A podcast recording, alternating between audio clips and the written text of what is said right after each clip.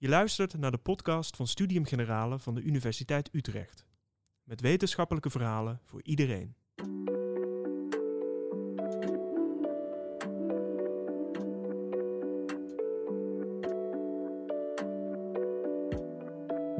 Je luistert naar Het Ezelsoor. Korte interviews met filosofen en denkers over hun favoriete passage. Zinnen die ze met dikke stift onderstreept hebben en waar ze telkens weer naar terugkeren voor inspiratie. Tegenover mij zit Katelijn Aftink, literatuurwetenschapper en fenomenoloog aan de Universiteit Utrecht. Katelijn, welkom. Ehm, je hebt een passage meegenomen van Etty Hillesum. En voordat je hem gaat lezen, wie was zij? Ja, Etty Hillesum uh, was een vrouw die leefde van 1914 eh, tot 1943. En op aanraden van haar um, nou, uh, mentor, therapeut en uiteindelijk ook geliefde Julius Spier, is zij een, een, dagboek begonnen. Ging zij een dagboek schrijven om eigenlijk in het reinen te komen met haar eigen zielenroerselen. Hmm. Um, ja, en, en daar hebben wij dus nu dat dagboek en, van en, en ook een, een heel aantal, aantal brieven. Ja, ze, ze, was een Joodse vrouw en ze begon met het dagboek in 1942 in, in, in oorlogstijd. Um, 41. Ja, ja, wanneer las jij de passage voor het eerst? De passage, ja, deze de passage die ik gekozen heb, denk ik vijf, zes jaar geleden voor het eerst. Uh, Weet je nog waar je was? Ja, ik, ik, deed samen met mijn vader een cursus over uh, het werk van Etty Hillesum. Dus al, al haar dagboekfragmenten en al haar brieven. En elke week gingen we daar dan naartoe. En dan moesten we uh, dan 80 mm, bladzijden gelezen hebben. En daar mhm. dan iets zinnigs over zeggen. en toen kwam ik die passage tegen. Maar daarvoor was ik al wel bekend met Etty Hillesum. Een, een, een, regel van haar, van haar schrijven is ook een van de motto's van mijn dissertatie over schoonheid. En eh, voor, voordat we naar de echte quote gaan, misschien kun je die ook nog even geven. Weet ja, je die, die is je iets in de trant van. Uh, en, en toch is het leven mooi. Altijd is het mooi. Hmm. Uh, en, en, en dat is op zich natuurlijk iets heel treffends om te zeggen. Als Joodse vrouw in de oorlog. Op een gegeven moment zat ze in Westerbork. Uiteindelijk is zij ook overleden in een concentratiekamp. Maar op dat moment had zij zich al zo spiritueel en, en, en, en, en, en emotioneel ontwikkeld. Dat zij ondanks alle ellende en, en, en, en gruwelheden om haar heen, zij toch in contact kon blijven met de schoonheid van de wereld en de schoonheid van de medemens. Misschien uh, moeten we gaan luisteren naar uh, de quote. Je hebt het boek ook meegenomen. Ja. Um, ga je gang. Alle catastrofes komen voort uit onszelf. En waarom is er oorlog? Misschien omdat ik af en toe neiging heb om mijn medemensen af te snauwen omdat ik en mijn buurman en iedereen niet genoeg liefde in zich heeft. En men kan de oorlog en al zijn uitwassen bestrijden door in zichzelf dagelijks, ieder ogenblik, die liefde te bevrijden en kans te geven om te leven. Wat grijpt je hier zo in aan? Um, de eigen verantwoordelijkheid die eruit spreekt. Eigenlijk wat Etty hier zegt is um, ergernissen, irritaties, frustraties, verbitterd zijn. Dat is, dat is de kiem, dat is het begin van iets wat uiteindelijk kan leiden tot een haat hmm. die oorlog brengt. Hmm. En, uh, en, en, en, en ja, zij, nam, zij nam die gedachte bijzonder serieus. Ze was voortdurend dagelijks met zichzelf aan de slag, met al die negatieve emoties, omdat ze er dus heilig van overtuigd was dat, nou ja, niks menselijks is ons vreemd, dat zij toen in die Tweede Wereldoorlog zaten, had te maken met die verbittering, die ergernis, die frustratie, die zo uit de hand was gelopen, dat het dat geleid tot haat naar de medemens en haat naar.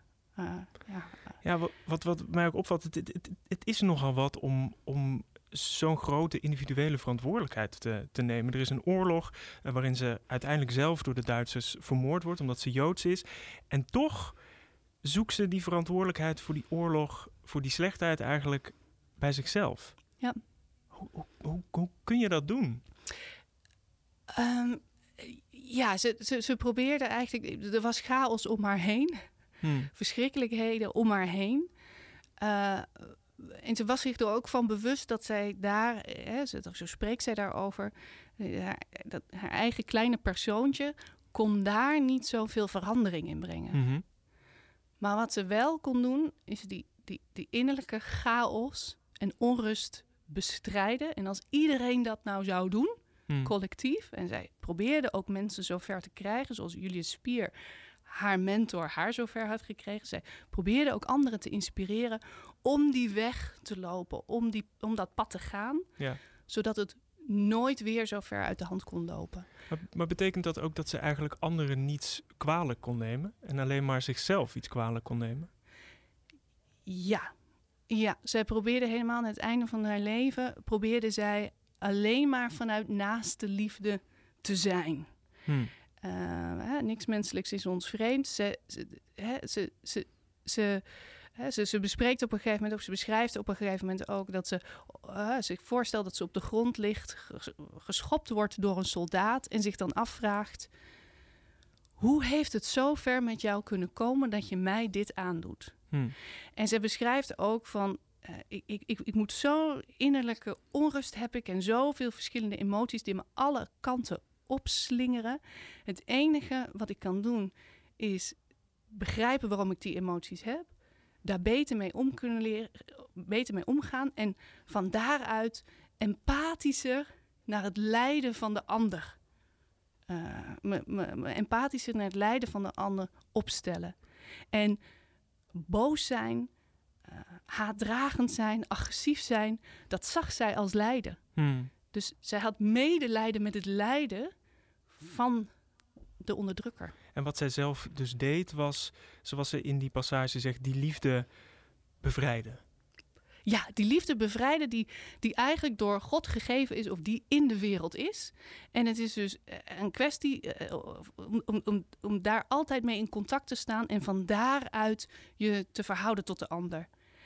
Um, dus het was niet iets wat gecreëerd moest worden, maar het was iets waar je uh, ja, op, op ingetuned moest worden. En zij hielp andere mensen, ook in het kamp Westerbork, waar zij als een soort sociaal werker uh, een tijd uh, in, in, in dienst was. Hmm. hielp zij mensen om daar meer, meer in contact te, te, te zijn met die naaste liefde, die agape, die, die, die onvoorwaardelijke liefde naar de ander. Um, om daar meer in contact mee te komen, zodat het leven dat, dat, dat, dat leven dat zoveel verschrikkelijkheden kende, draaglijker te maken. En had ze een manier om dat te doen? Om dat in zichzelf en in anderen dus naar boven te halen? Uh, gesprekken, praten, mm -hmm. lezen, veel lezen, de mystici, um, uh, meester Eckhart, uh, schrijven. Mm -hmm. schrijven ja. haar dagboeken, haar, um, haar brieven, bidden, mediteren. Dat Mhm. is hoe zij te werk ging en wat ze ook nou ja, andere mensen probeerde aan te leren en ook aanraden. Uh, er zijn ook mensen die haar hebben bekritiseerd, hè? Uh, ja. omdat ze niet in het verzet ging. Eh, ze zag ook niet in onderduiken. Um, zou je dan zeggen dat, dat het bevrijden van die liefde, dat dat haar manier van verzet was? Ja, ja zeker. V voor haar eh, in contact blijven voortdurend weer ook in contact komen. Want ze viel er ook heel vaak uit. Uh, het, dagboek uh, is ook heel kritisch op zichzelf. Er zit ook heel veel zelfspot in. Dus het is niet alleen maar hoogdravend en intellectueel en filosofisch en, en al dat soort dingen. Dat is het ook. Mm -hmm. Maar ook uh, heel kritisch naar zichzelf. Um, Oh, nu ben ik de vraag kwijt. maar dit kan er dan uit. Nou ja, dat het, dat het haar, of, of, of dat zeg maar het, het, het bevrijden van die liefde, ja. of dat haar manier van ja. Verzet was. Omdat, ja, er dus, uh, omdat ze ook bekritiseerd werd. Dat ze eigenlijk niet echt meestreed in het, in het verzet. Ja, dat was de, de, gedachte die ik had. Ja. Uh, er is er inderdaad een aantal keren mogelijkheden aangeraden om, uh, of aangereikt om, te onder, om, om onder te duiken. En daar zei ze nee tegen. Ik blijf werkzaam in Westerbork. Um, en er is inderdaad haar ook verweten dat ze niet in het verzet zat Mhm. en ging. Uh, onlangs, ik geloof een jaar geleden of zo, is gebleken dat ze zich wel heeft ingezet Mhm. om in Westerbork uh, kinderen uit, uh, illegaal uiteraard, uit dat kamp te sluizen. Hmm. Dus ze heeft wel in het verzet gez gezeten, maar ze was natuurlijk slim genoeg om te bedenken: dat schrijf ik niet in mijn dagboeken, dat schrijf ik niet in die brieven. Dus hè, inmiddels uh, is, is daar meer over bekend. Hè, blijkt zij toch wel ook in die soort van letterlijke materiële zin heeft ze ook verzetswerk geleverd. Maar zeker dat, dat, dat in contact blijven, dat, dat onderzoeken, dat voortdurend zichzelf ook als het ware weer bij de les te roepen van die liefde, daar gaat het om. Dat is de enige weg. Ja, dat was, dat was ook zeker onderdeel van haar verzetswerk. Hoe uh, inspireert het werk van Etty Hillesum en misschien wel deze specifieke quote um, jouw onderzoek? Oeh, mijn onderzoek over schoonheid. Ja, of, bijvoorbeeld. Over het algemeen. Um, nou, nou, eerlijk gezegd was mijn, mijn onderzoek over uh, schoonheid een grote lijdensweg. dus in die zin uh, van, uh, en toch is het mooi, altijd is het mooi. Daar heb ik me ook wel een beetje aan vastgehouden. Um, um, en hoe het verder mijn onderzoek. Nou, uit haar. Um, ik ben op dit moment bezig met non-dualiteit. Uit haar schrijven en ook ergens de weg die zij aflegt in haar denken, in haar leven, mm -hmm. uh, zoals uh, beschreven in haar dagboeken. Um, ja, spreekt ook wel heel erg een soort van eenheid en verbondenheid. Uh, en, in, in, in, niet dualiteit, hè? niet ik en de ander en dit en dat. Nee, we're in this together. Samen doen we het allemaal. Hmm. En voor haar was de rode draad in dat samen dus die liefde.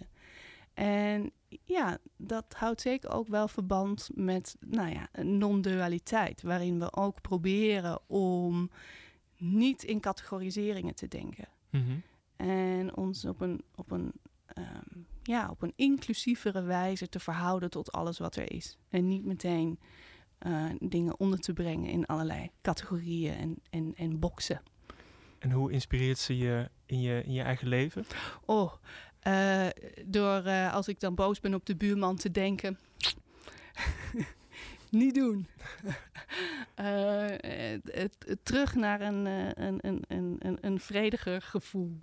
Dus ja, ik, ik ben zeker op een of andere manier. Zeker word je er zelf bewuster van. Mm -hmm.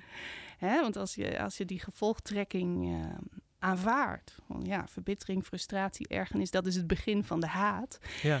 Nou ja, goed. Um, ik probeer me er niet al te schuldig over te voelen, maar ik ben me er zeker wel bewust van. Dat, dat dit soort dingen uit de hand kunnen lopen. En voor je het weet, uh, nou ja.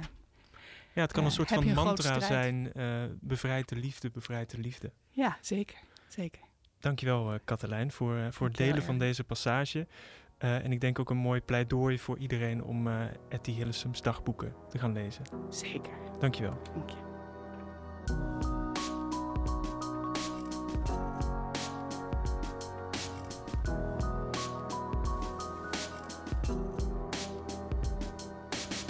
Je hoorde een aflevering van de podcast van Studium Generale. Benieuwd naar meer afleveringen?